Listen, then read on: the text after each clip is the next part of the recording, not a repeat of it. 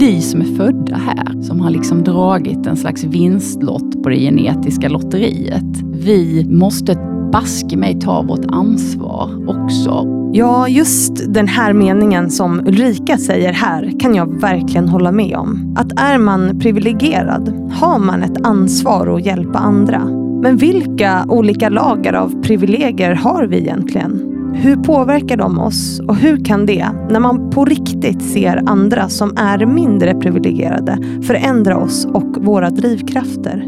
Hur påverkar det vad som är viktigt för oss och vad vi kan skita i att bry oss om? Det är något jag och Ulrika pratar om i veckans avsnitt. Och hur allt det där gör att man kan gå från att alltid prestera och tvivla på sina egna förmågor till att faktiskt landa i att man är kapabel till mer än vad man tror. Och innan vi drar igång avsnittet så vill jag precis som vanligt tacka min fantastiska sponsor Excitec som genom att sponsra podden gör det möjligt för mig att fortsätta producera den. Så tusen tack för det Excitec. Men nu kära lyssnare, precis som vanligt, rätta till lurarna och dra upp volymen. För här kommer ett avsnitt med Ulrika Tornerefelt.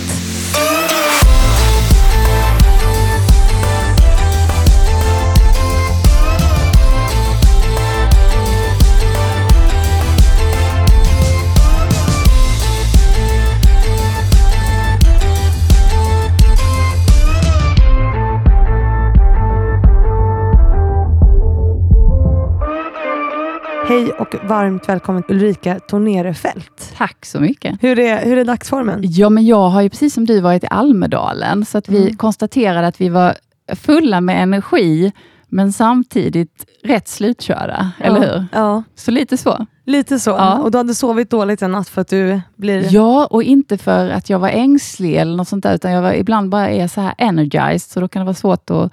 Sömntåget kommer liksom inte. Man ligger där och väntar och så till slut, nej, jag struntar i det. Jag är Ja. vaken istället. Ja, men så brukar jag också, det kan vara en ganska skön känsla att landa i. För jag har ju också det där, inom situationstecken, problemet Ja. att eh, jag, eh, min hjärna liksom går igång på natten och att jag då, när jag ska sova, kommer på massa bra tankar. Men jag har börjat lära mig att så här, acceptera att, så här, okej, men ikväll kommer jag inte somna.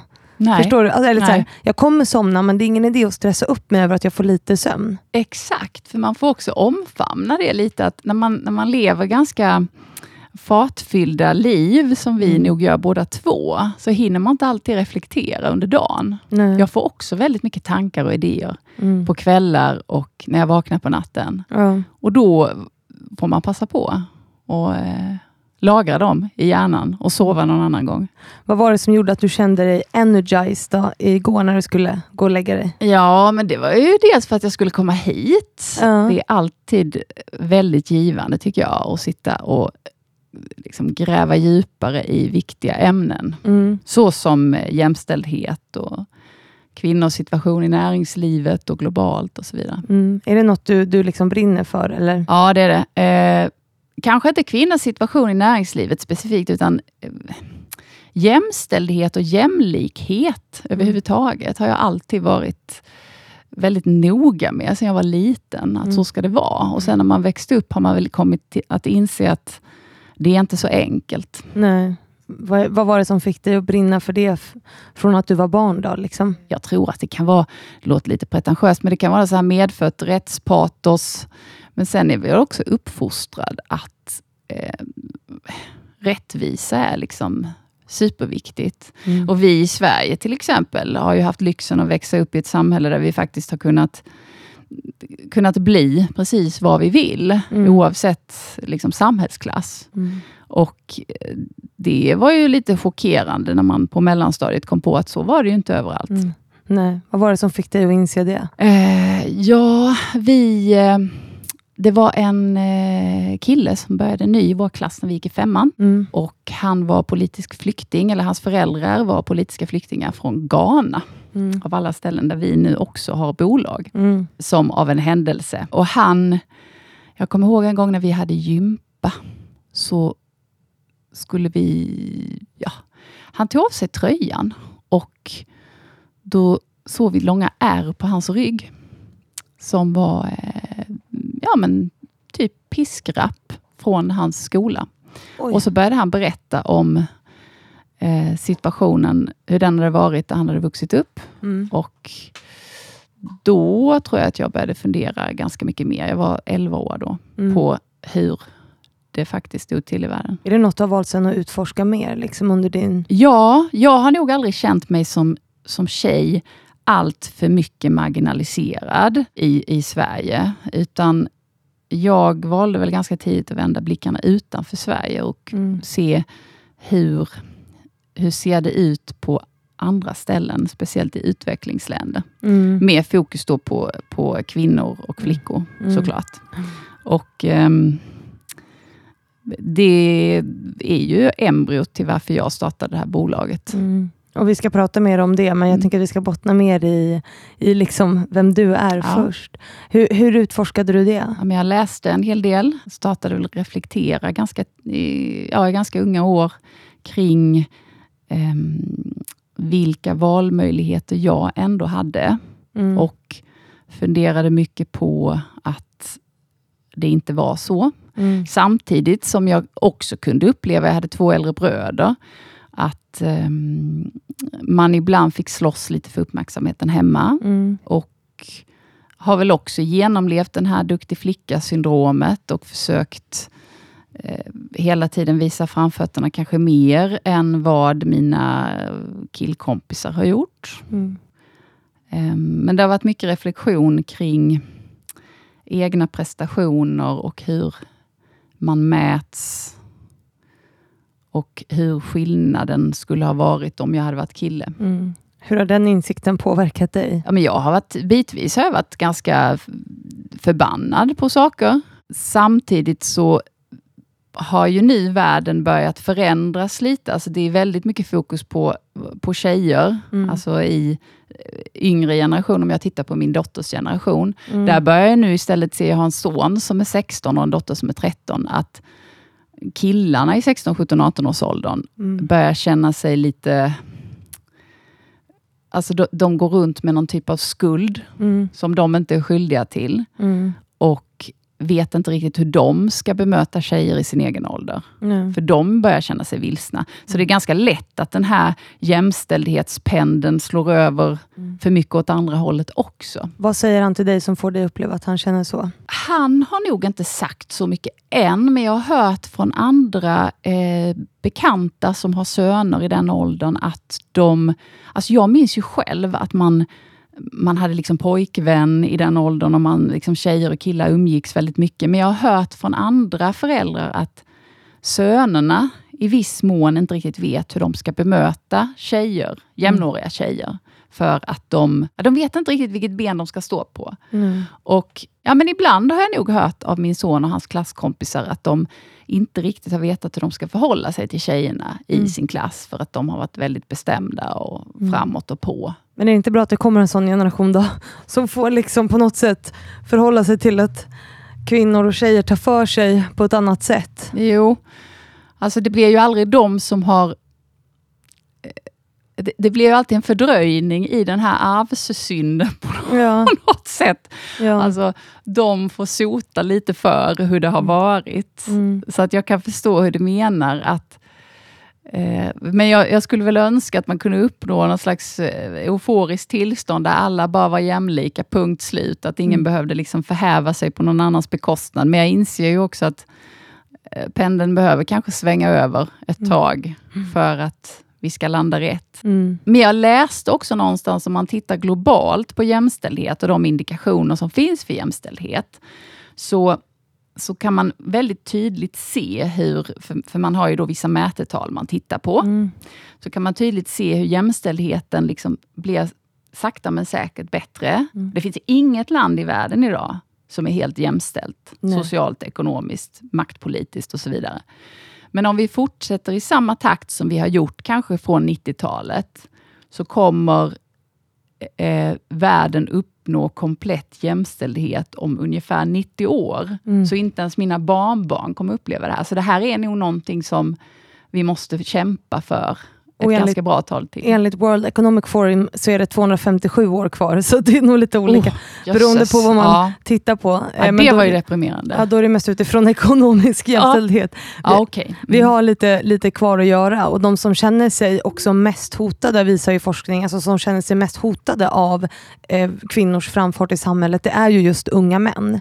Mm. För att de upplever att tjejer och kvinnors liksom framfart är på bekostnad av deras egen möjligheter. Eh. Och det är också någonting vi måste ta tag i, tänker jag. För det är ett problem, för vi lägger ju väldigt mycket liksom, tilltro och förhoppning på en yngre generation. Men tydligen är de gamla rävarna bättre än de yngre männen. Ja, det låter ju så. Jo, Mm. men det har jag också hört. Alltså, Mm. Jämnåriga killar Mm. kan säga så ibland. Ja, du vet, jag är en eh, medelålders svensk vit man. Det Mm. är ingen som vill ha mig Nej. idag. Stackars dem, höll jag på att säga. Höll jag på att säga. Ja, men det, ja, Det är inte märkligt. riktigt sant. Nej, det, det är kanske lite martyr eller offerkofta, men ehm, det är väl inte lika lätt som Mm. det har varit. Det kallas en backlash på metoo också. Ja, just det. Mm. Det, det, det kommer ju sådana också. Mm. Men du, jag tänker så här, vi prat, vi, där hamnade vi igenom att vi pratade om att du så här, har vidgat dina perspektiv och, och liksom kanske tittat på, på andras förutsättningar, eh, eller hur, i andra länder och så vidare, framförallt kvinnor och, och flickor. Mm. Vad känner du att det har gett dig liksom, i, i förlängningen, att göra det? Ja, men det är väl lite det här offerkoftan som, som jag nämnde nyss. Att jag har väl inte velat ta på mig den där offerkoftan, utan jag eh, har Ja, men jag har haft lite den här inställningen, men det, det kan ju vara så rasande mycket värre. Mm. Jag, okej, jag får kanske kämpa lite mer än vad mina jämnåriga killkompisar har behövt Mm. göra. Mm. Men det, man kan ändå liksom Mm. ta sig dit man vill Mm. hyfsat. Det jag tycker är helt oacceptabelt, det är ju hur situationen kan vara för flickor och kvinnor som den är i majoriteten av världens länder. Mm. Helt oacceptabelt. Mm. Och någonstans är det väl där jag har velat fokusera min energi Mm. då. Ja, för det vi pratade om lite så här, innan vi drog igång mikrofonerna som jag inte ville spåna vidare på, det var ju det här att kunna så här, lite grann skita i vad andra tycker eh, och liksom köra sin grej. Och att för, det för mig i alla fall har hängt ihop mycket med att förstå att det liksom finns andra som, alltså att jag är del av något större på något sätt. Och det gör det ju enklare att inte ta sig själv på så stort allvar. Alltså att, Mm. Och då kan man få ett helikopterperspektiv på sin omgivning, på sig själv, på sina känslor. Vad tänker du om det? Jo, men det är väl eh, precis i linje med det egentligen. Mm. Att ehm, vi som är födda här, Mm. som har liksom dragit en slags vinstlott på det genetiska lotteriet. Mm. Vi måste baske mig ta vårt ansvar också. Och jag Mm. tror att som kvinna har jag ju märkt att det är man har en högre trovärdighet. Mm. Till exempel när man, när man jobbar i vissa afrikanska länder Mm. och jobbar med kvinnor. Mm. Och Det finns otroligt mycket starka kvinnor i de länderna. Mm. Och kan jag göra någon vettig skillnad där, så är det, ja, men då är det mitt ansvar att göra det. Och Det är väl lite kanske också att inte sitta och, och mm, tycka så mycket synd om sin egen situation återigen, utan istället kroka arm med folk där man kan göra så mycket större... Det, alltså man kan dra en parallell så här. Handel med utsläppsrätter, det är ju ett sätt att eh, på något sätt eh, få mer ut för den ekonomiska insats man sätter in. Det vill säga att Vad är handels med, handel med utsläppsämnen? Ja, så här. Parisavtalet säger ju då att artikel 6 att vi ska jobba globalt tillsammans för att minska koldioxidutsläppen. Mm. Och då kan ju rika länder istället för att satsa X pengar i sitt hemland och kanske minska koldioxidutsläppen med ganska lite, eftersom att effektivisera något som redan är hyfsat bra, då blir det inte så mycket impact. Mm. Då kan de satsa samma peng i ett land där man inte har en alls lika väl fungerande mm, hållbar energistruktur. Mm. Och då blir liksom impacten av de pengarna mycket, mycket större. Man Mm. drar ner på koldioxidutsläppen mycket, mycket mer. Och det är lite samma tanke jag hade där, att vi som är födda här och har tillgång och access till eh, finansiella medel som inte finns till exempel Mm. i, i utvecklingsländerna. Eh, att, att också satsa de pengarna på ett trovärdigt sätt i utvecklingsländer för att hjälpa till med sjukvård och hälsovård och Mm. elektrifiering och allt sånt där. Mm. Så blir det en mycket, mycket större, ett mycket, mycket större avtryck. Man hjälper så många, många fler. Och det är ju som med makt, pengar och privilegium så kommer ju ett ansvar, precis som du säger. Att så här, sitter man på det så har man ett ansvar att på något sätt dela med sig och försöka få med sig människor överlag, Ja. tänker jag, och göra det bättre för andra. Men, men du säger ju också att för jag får ändå känslan av att så här, du har skitit i att så här, du är kvinna, du har kanske vissa förutsättningar emot dig. Jag får känslan av att du också blivit ständigt påmind om, om det på olika sätt. Eh, det, det låter lite så eftersom du ändå har gått i de tankarna. Vill du utveckla lite hur det har gett sig uttryck för dig? Jo, men jag tror att det tog ett tag Tyvärr tog det ett tag för mig att förstå min egen förmåga till exempel. Ja. För att, nu ska jag inte bli martyr här, men jag tror att det kan ha varit så om man är född på 70-talet som Man, jag är. man kan få vara martyr ibland Man också. Det är lugnt. Okej, jag är lite grann martyr här då. Ja. Vi som är födda på 70-talet hade ju en föräldrageneration som växte upp på 40-talet. Mm. Och det var ju ett väldigt patriarkalt samhälle då. Mm. Och vi blev nog uppfostrade i fortsatt att det är sönerna som hörs och syns mycket. Mm. Vi tjejer och döttrar stod liksom lite hoppade och, och eh, ville liksom visa vilka vi var och sådär. Och jag tyckte nog att jag var en hyfsat... Eller, eller jag funderade inte så mycket över mina egna prestationer. Jag minns fortfarande mitt, det första jobbet jag fick när jag hade gått ut högskolan. Teknisk högskola, hyfsat avancerat ändå. Ja. För du är ingenjör? Ja. Eller? Ja. Mm. Ja, precis. Och skulle på mitt första utvecklingssamtal. Och jag Mm. var ju då, vad var man, 23 eller något sånt där. Och tänkte att jaha, då får vi se hur det här går. Mm. Lite sådär, kändes som att man skulle till rektorn ungefär. Och, och så visade det sig att min chef, han var jättenöjd med mig. Han hade bara lovord att säga. Och jag kom ut från det där utvecklingssamtalet och bara kände, vad hände? Vadå? Ja. Tycker han att jag har någonting att komma med? Eller liksom, Mm. För jag hade aldrig riktigt, tror jag, blivit bemött av det där på allvar. Liksom. Mm. Och, det, och det var lite det som, eh,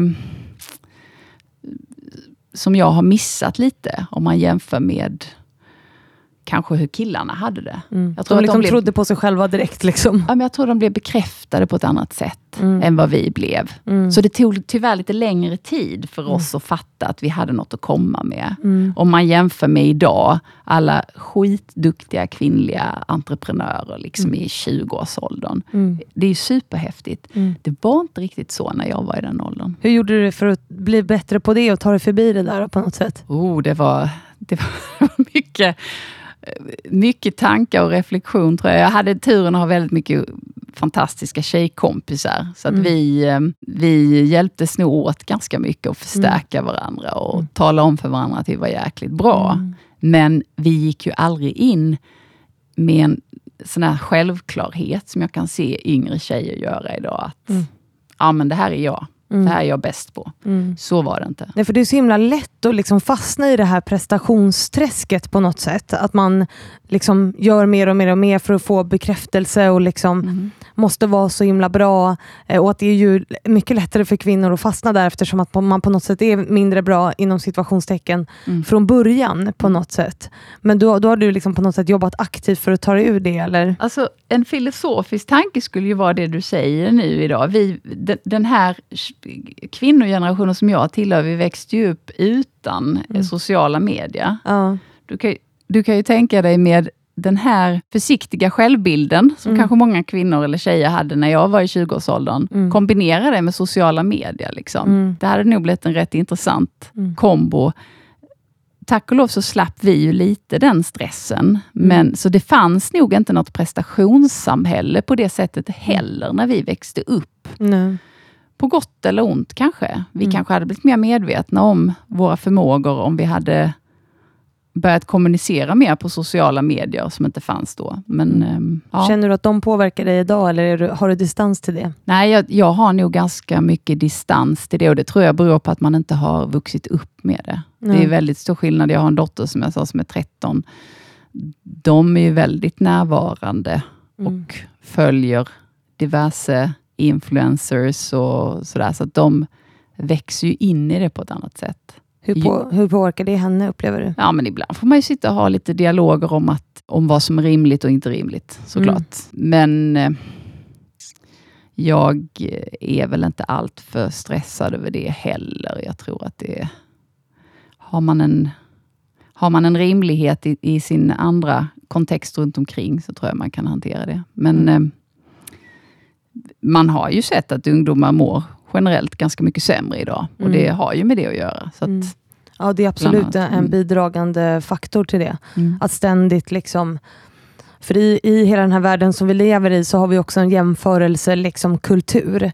mm. vi, och den blir ju så himla tillgänglig. Alltså det finns ju, jag tror att det kallas för jämförelse någonting, alltså att vi ständigt jämför oss med andra, vilket ju är positivt och negativt. För det, kan mm. ju vara, det är klart att det är bra att så, titta på andra och, och se så här, vad gör den här, eller är det något jag vill? Eller, och att liksom ha människor att se upp till, det är ju superbra. Men det blir negativt när det blir en del av, av vardagen. Liksom. Mm. Och Det där finns ju så himla tillgängligt i dagens samhälle. Just det här att ständigt kunna jämföra sig. Mm.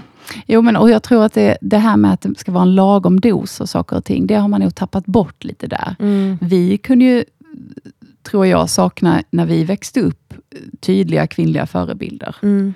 För att det, det fanns ju inte den typen av media Nej. då heller. Nej. Jag menar, vi hade två TV-kanaler.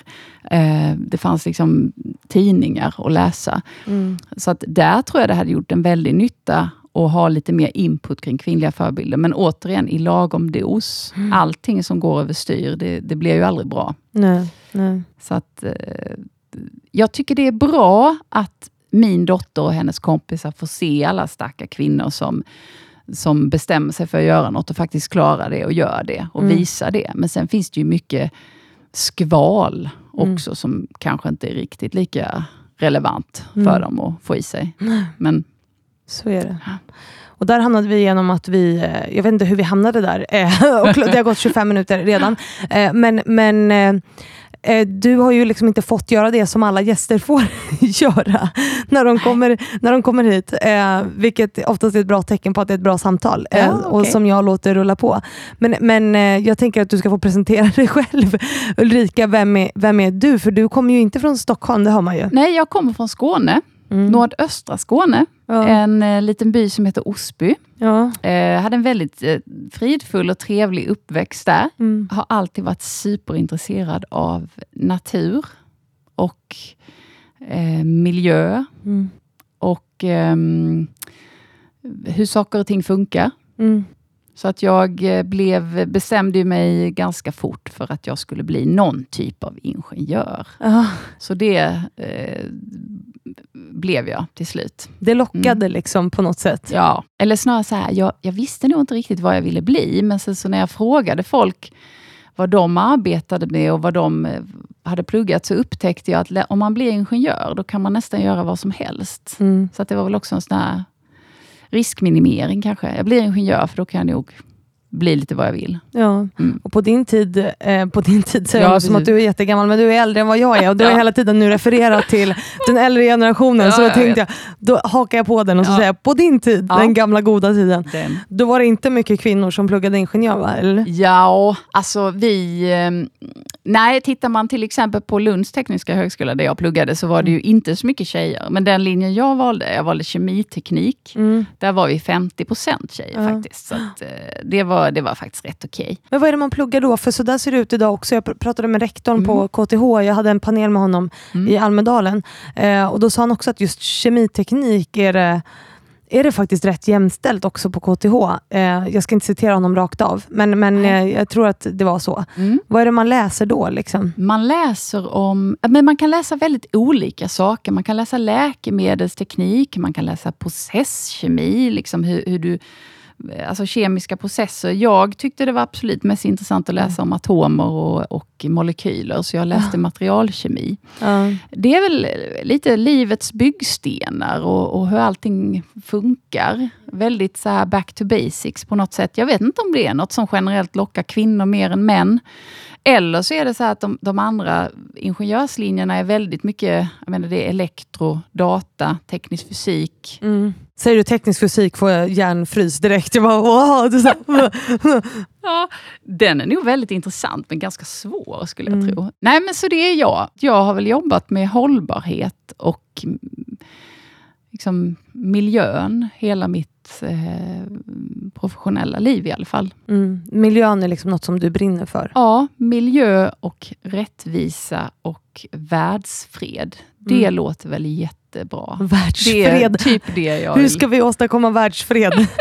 Sparka ut alla maktgalna män, eller Ja, säga. Så, så kanske vi lyckas. Förlåt. Nej, men om vi, om vi inte ska raljera över det så, så handlar ju det väldigt mycket om jämställdhet. Ja, Och 100%. att- Absolut. Och förstå hur vi ska ta... För att nu när vi pratar om klimatkrisen till exempel, det finns ju otroligt mycket bra teknologi Ja. som kan lösa den här klimatkrisen om eh, kapitalet slutar att slaviskt följa sina Excelblad kring hur man finansierar hållbar energi. Mm. Så det, den biffen kan vi lösa. Ja. Och gör vi inte det så kommer vi ha oändligt mycket klimatflyktingar. Vi kommer ha oändligt mycket konflikter i världen. Så Mm. att hållbarhet och fred hänger så tätt ihop. Så därför vill jag säga att hållbarhet och världsfred, det kan man jobba med. Ja, men och också som du säger att jämställdhet alltså mellan könen hänger ju också väldigt mycket ihop med det och det tycker jag vi pratar för lite om. Alltså till exempel i valet nu eh, så, så pratade vi så mycket om så här, gängkriminalitet och miljökris och, och, så här, och, och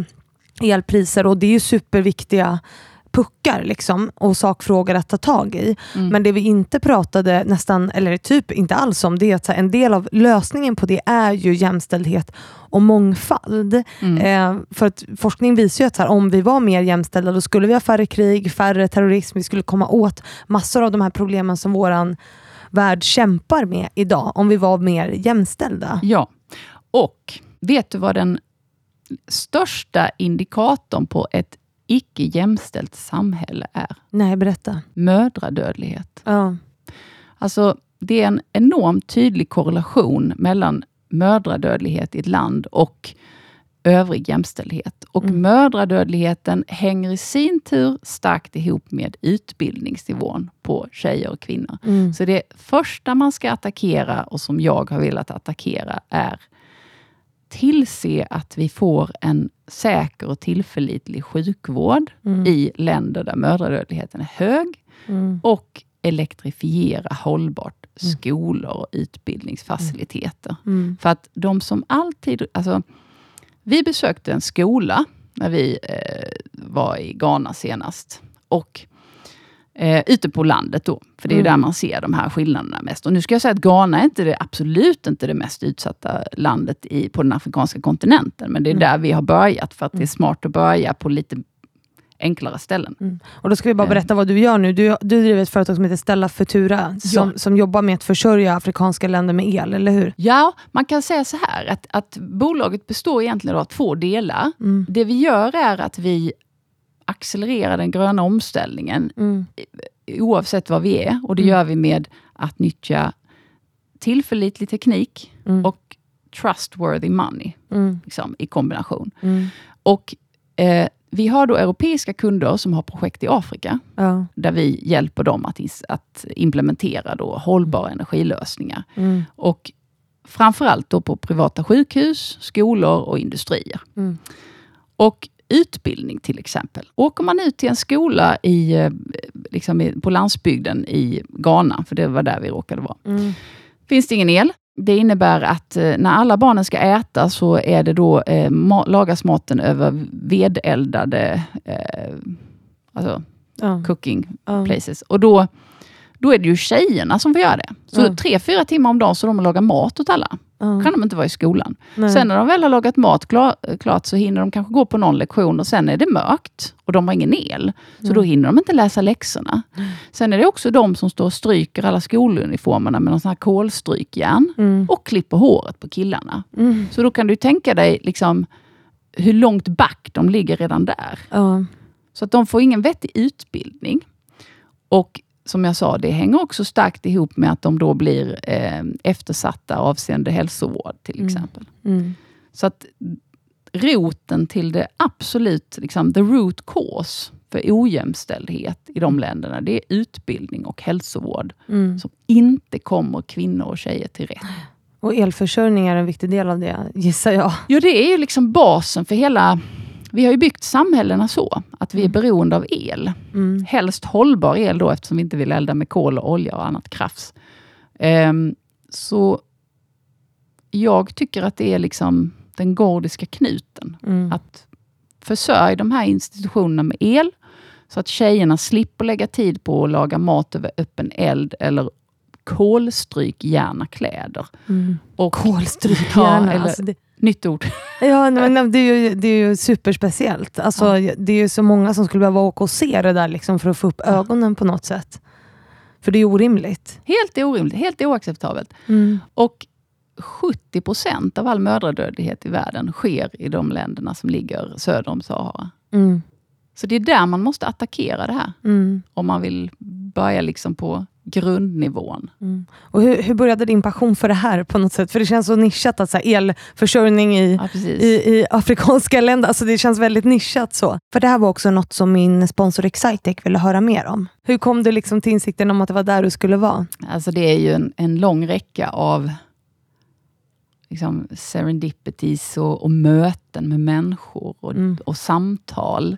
Det, en, en viktig sak om man vill förändra, det är ju att konstant hålla sig nyfiken Mm. och lära sig saker, Mm. eller hur? Mm. Och i liksom, min resa i min yrkeskarriär så har jag ju träffat många olika människor. Och vissa möten ger ju starkare intryck än andra. Mm. Och ett av de här mötena det var när jag träffade två mycket sympatiska män som råkade komma från Ghana. Mm. En jobbade som doktor på ett eh, researchinstitut för ghananska staten. Och den andra var egenföretagare, hemvändare från USA. Han hade pluggat och jobbat där länge. Mm. Och ja, men vi liksom började prata om helt rimliga saker. Och jag har ju då en, en historia från energibranschen och energilagring. Och, Och du har varit på Scania bland annat, eller hur? ja, Och lite det- överallt. Jag tittade på ditt CV. Eller Ja. lite överallt säger jag, men du har varit inom samma nisch. Eller Ja, precis. Och, och De här träffade jag faktiskt innan jag började på Scania. Men, så den här idén mognade ju fram, att, att vi måste göra något vettigt. Lite det vi började med. Mm. Man har ett ansvar. Har Mm. man haft förmånen att få gå i, i en svensk skola och, och haft alla de här privilegierna, så har man något slags ansvar att göra avtryck. Sen om det är att elektrifiera sjukhus eller bygga batterilager i Sverige, som vi gör här hemma, eller om man vill jobba som lärare, eller skolpsykolog, eller läkare, Mm. eller sjuksköterska, eller vad det är. Men, men att, att göra världen bättre, då, då ska man ju ta den chansen. Så de träffade jag när jag jobbade på ett annat bolag med eh, energilagring. Mm. Och så drog vi liksom diskussionerna igång då. Vad var det de berättade då? De var faktiskt i Sverige för att scouta mulltoor. Mulltoor? Ja, för, Det är också så superspecifikt. Mulltor, också otroligt ofräscht. Ja, förlåt. ja. Nej men det, det, eh, de, eh, tydligen så är Sverige väldigt bra på det. Okej. Det visste inte jag. Ja. Nej, inte jag heller. Nej. Har vi lärt oss något nytt? Ja. Och då korsades våra vägar. Mm. Och eh, så började vi liksom prata om deras hemland och situationen i deras närområde och så Mm. vidare. Och det är klart att man har haft en medvetenhet om att det har varit liksom kaos. Och, och, eh, jag menar, under hela ebola-krisen 2014 så förstod man ju i Sierra Leone och, och Liberia att, att eh, sjukvården är ju väldigt eftersatt i de regionerna och Mm. drabbar ju alla. Mm. Eh, Men då kom jag väl mer i närkontakt med det här. Och vad viktigare är, jag gavs en möjlighet att faktiskt kunna göra något åt det. Mm. Eftersom jag träffade dem. Ja. Och våra samtal ledde fram till att, men vi borde ju göra något. Jag menar här, i Europa finns det väldigt mycket kapital som skulle kunna göra skillnad och som Mm. vill göra skillnad. Men det är ganska sällan det finns liksom en bra struktur på, på marken, så att säga, Mm. i, i de här länderna. Mm. Så vi bestämde väl oss för att det, det är nog ingen dum idé att starta ett svenskt bolag som då kan jobba med europeiskt kapital Mm. och knyta de kontakterna, samtidigt som de här killarna var väldigt bra på allt sån här corporate finance och, och förstod hela det legala landskapet där. Mm. Så att man knöt ihop där och så kom vi fram till att ja, men vi skulle kunna göra någonting på Mm. riktigt av det här. Och det var en lång process av strategiska beslut, tänker jag. Eller? Det, var, det var inte så att ni bara, woho, nu kör vi. Nej, eller? precis. Eh, nej, alltså det är väl som med mycket. När man tittar tillbaks på det så tänker man att det var ju tur att jag inte visste hur lång den här resan skulle bli. För då Nej. hade jag nog gått och dragit något gammalt över mig direkt. Liksom. Men eh, vi gjorde liksom hela tiden små framsteg. Ja. Och eh, nu har vi ju dratt igång ett av de största elektrifieringsprojekten i Ghana för Mm. sjukvård. Coolt. Och eh, startat ett initiativ som jag brinner mycket för, som heter Women on the Roofs, Mm. där vi engagerar lokala kvinnor att få jobb som solinstallatörer. Okej. Så kvinnor elektrifierar sjukhus för att kvinnor ska överleva sin, sina förlossningar. Jäklar, det är ju superhäftigt. Ja, det är ganska, ganska vackert faktiskt. Men hur tas det emot i ett sånt land? Där liksom jag kan tänka mig att könsnormer och strukturer är ganska så hårt rotade. Inte så mycket egentligen i de västafrikanska länder Nej. där vi är. För där är det är faktiskt lite av matriarkat där också, att Ja. kvinnor är väldigt starka och eh, finns otroligt duktiga och eh, företagsledare också som är kvinnor. Mm. Eh, däremot så jobbar vi också i Somalia, där vi Ja. har elektrifierat sjukhus.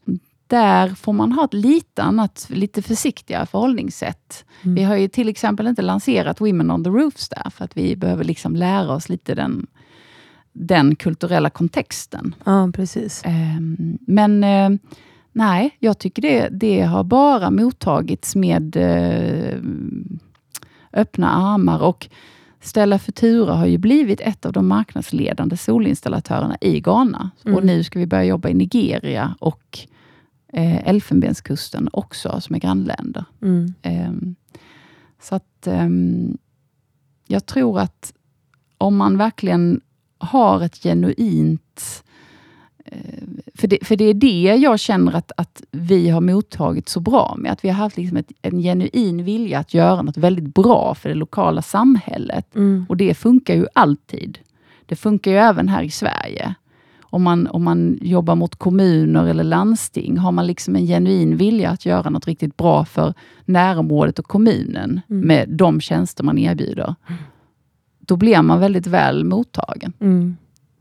Och det, jag tror att det är skönt för, för, också för många att höra att så här, det går, för jag tror att det är så många där ute som så här, vill göra skillnad och många som också lyssnar på min podd är ju eh, mm, tyvärr, eller alltså, så jag älskar er alla kvinnor som lyssnar, men jag önskar att det var fler män som lyssnade.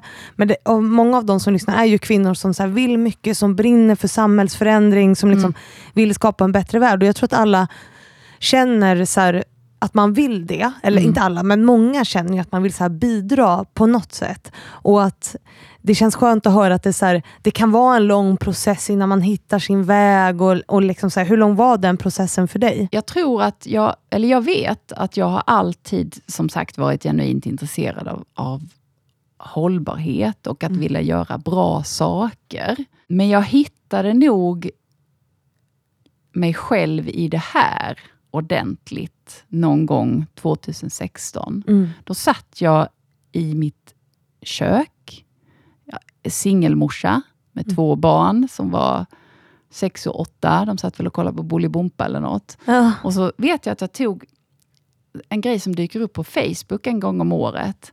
Jag, jag tog ett sånt här utklipp, och så stod det sånt här Time to pour up some coffee, put on some gangster rap and get to work. Satte du på Ja, gangsterrap jag gjorde det. Och sen Vad blev det? Förlåt. Jag minns jag inte. Nej. Äh, Synd att jag inte minns det. Men så började jag skriva på affärsplanen till Stella Futura. Mm. Eh, supernaivt. Ja. Men det måste man vara ibland. Ja. Och sen, och jag lånade böcker om allt möjligt och läste om entreprenörskap och sådär, för jag var ju inte en, en entreprenör från början. Jag hade jobbat inom storbolag liksom, och kört den resan. Ja. Men den här naiviteten på något sätt och drivkraften och lite gangsterrap var en väldigt bra kombination. Eh, och Då låter jag ännu äldre när jag säger gangsterrap. Vem säger gangsterrap? Nej, ja, nej, jag tycker det är helt okej. Det, känns, det känns ändå fräscht och rimligt. Ja, eller hur? eh, nej, men så det, det har ju mognat fram och egentligen, sju år senare, det är ju inte eoner av tid Nej. egentligen. Men det är klart, ehm, det har ju inte varit någon rak färd, men det tror jag inte att det ska vara för någon. För jag Mm. tror att stirrar man sig tokblind på ett mål, så tror jag att det är mycket lättare att köra i diket. Mm. Utan man får liksom, man vet ungefär vad man vill. Och jag hade ju inte gråtit blod om vi hade börjat elektrifiera vårdcentraler på Sri Lanka. Men nu blev det Ghana och så började vi växa därifrån. Mm. Bara man gör liksom nytta och tar ett ansvar för det. Ja, men det där tror jag är superviktigt. och Det brukar jag också eh, alltid säga. Jag får ju ofta frågor i så intervjuer, och så här, vad är din femårsplan? Man bara, jag har, har ingen. Nej. För att jag är så här, nej men jag tar mig lite dit som liksom dit vägarna leder mig. Och, och jag tänker att, för du sa nu ordet naivitet och att liksom vara naiv och bara nu kör jag lite grann.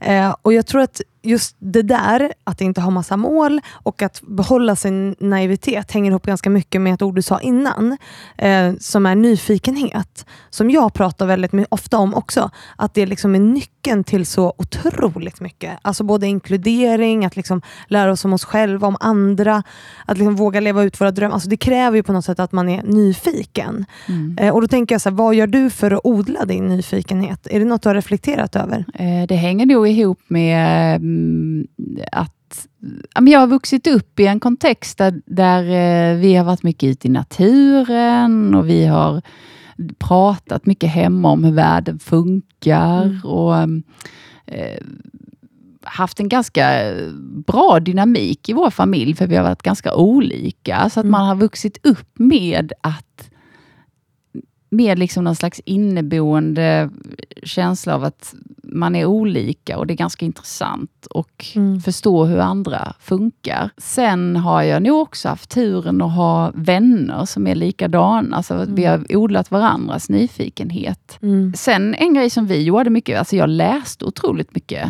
Mm. när jag var ung. Det är en sån här grej som jag kan faktiskt oroa mig lite för mina barns generation. Ja. Liksom, läser inga böcker. Liksom. Men det löser vi sig på annat sätt. Men jag tror att det, det handlar mycket om det. Att, att man bara har, man har fått det liksom till sig Mm. från föräldrar och omgivning och så. Ja, för det där är något som kan göra mig så otroligt eh, provocerad eh, i, i liksom den världen vi lever i. Att ett barn till exempel ställer ju flera hundra frågor om dagen för Mm. att så här, lära sig om sin omvärld. Varför är himlen blå? Varför är bordet, bordet hårt? Alltså, så här, och, och det är ju naturligt, men någonstans här, längs vägen så slutar vi ju med det. Alltså, ju äldre vi blir, desto mindre nyfikna blir vi, känns det som. Och att det är som att så här, nej, men nu kan jag allt om min omvärld, så då, men då stagnerar ju liksom allt på Mm, något mm. sätt.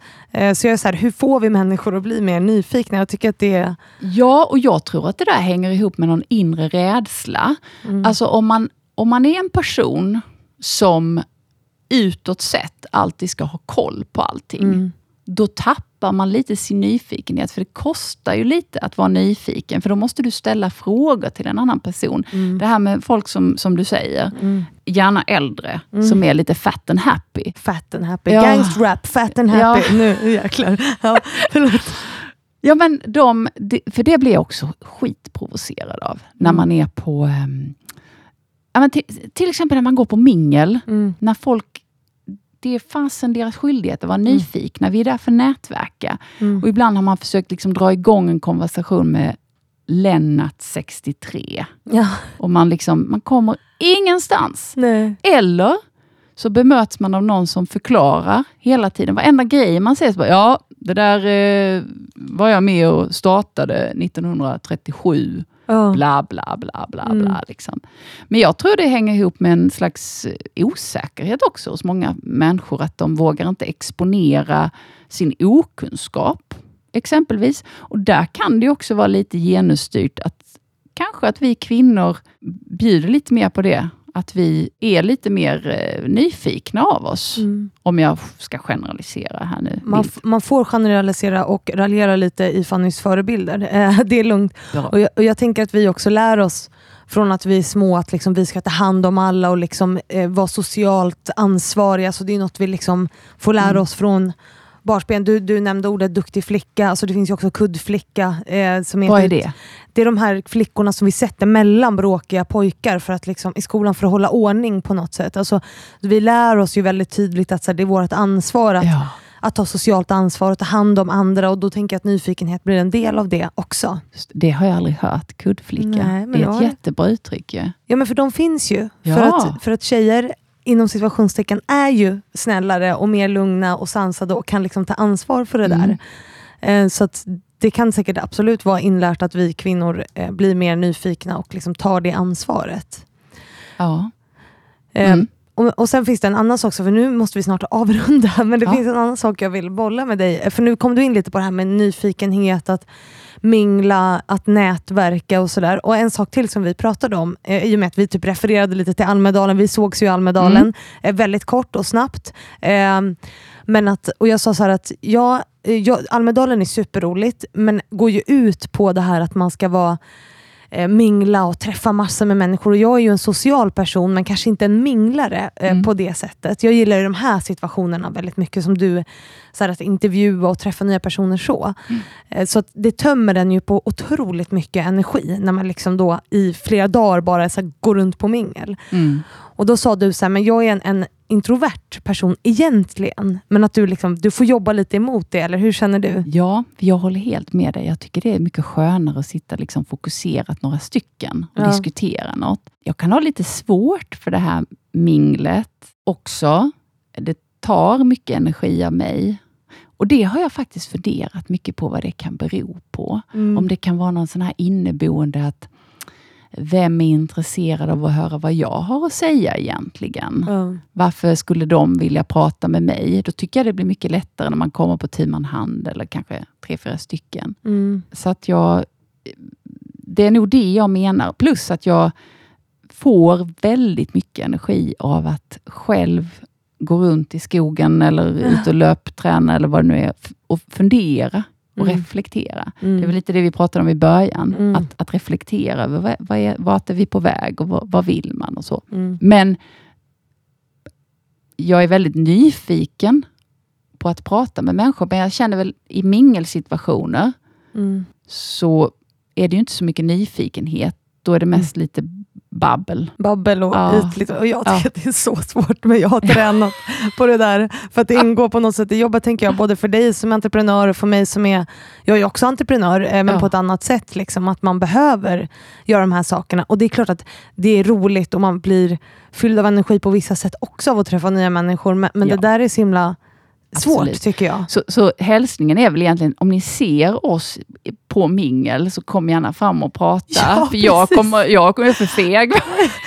Men jag, jag är så himla glad för att när jag började med den här podden och när jag Ja. började bli inbjuden till såna här saker så Mm. var det, var det, tyckte jag alltid att det var så enormt jobbigt för jag kände ju ingen. Nej. Och bara kom in i de här rummen och bara hej och du vet, skulle försöka prata med folk. Men nu har jag ju börjat så här, i och med att jag har haft så mycket gäster i min podd, så nu känner jag ju nästan alla på de här Bra grejerna. strategi. Så på något sätt, för, så för alla som har svårt att mingla, starta en podd. Mycket bra idé.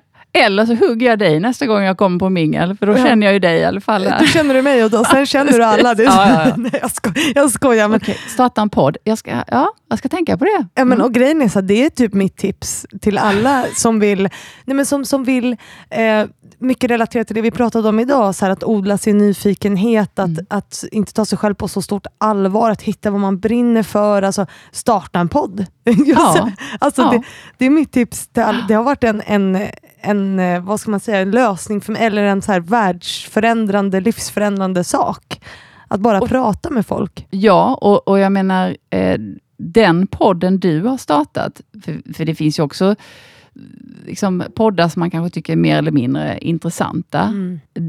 Det gäller ju också att, som du har gjort, hugga ett väldigt relevant ämne och titta på det ämnet Mm. ur olika ögon Mm. och olika aspekter. För det är också män som är med i den här podden. Ja. Det är också väldigt viktigt. Mm. Så att eh, det är ju inte bara att starta en podd. Du Nej. har ju, det är viss eftertanke.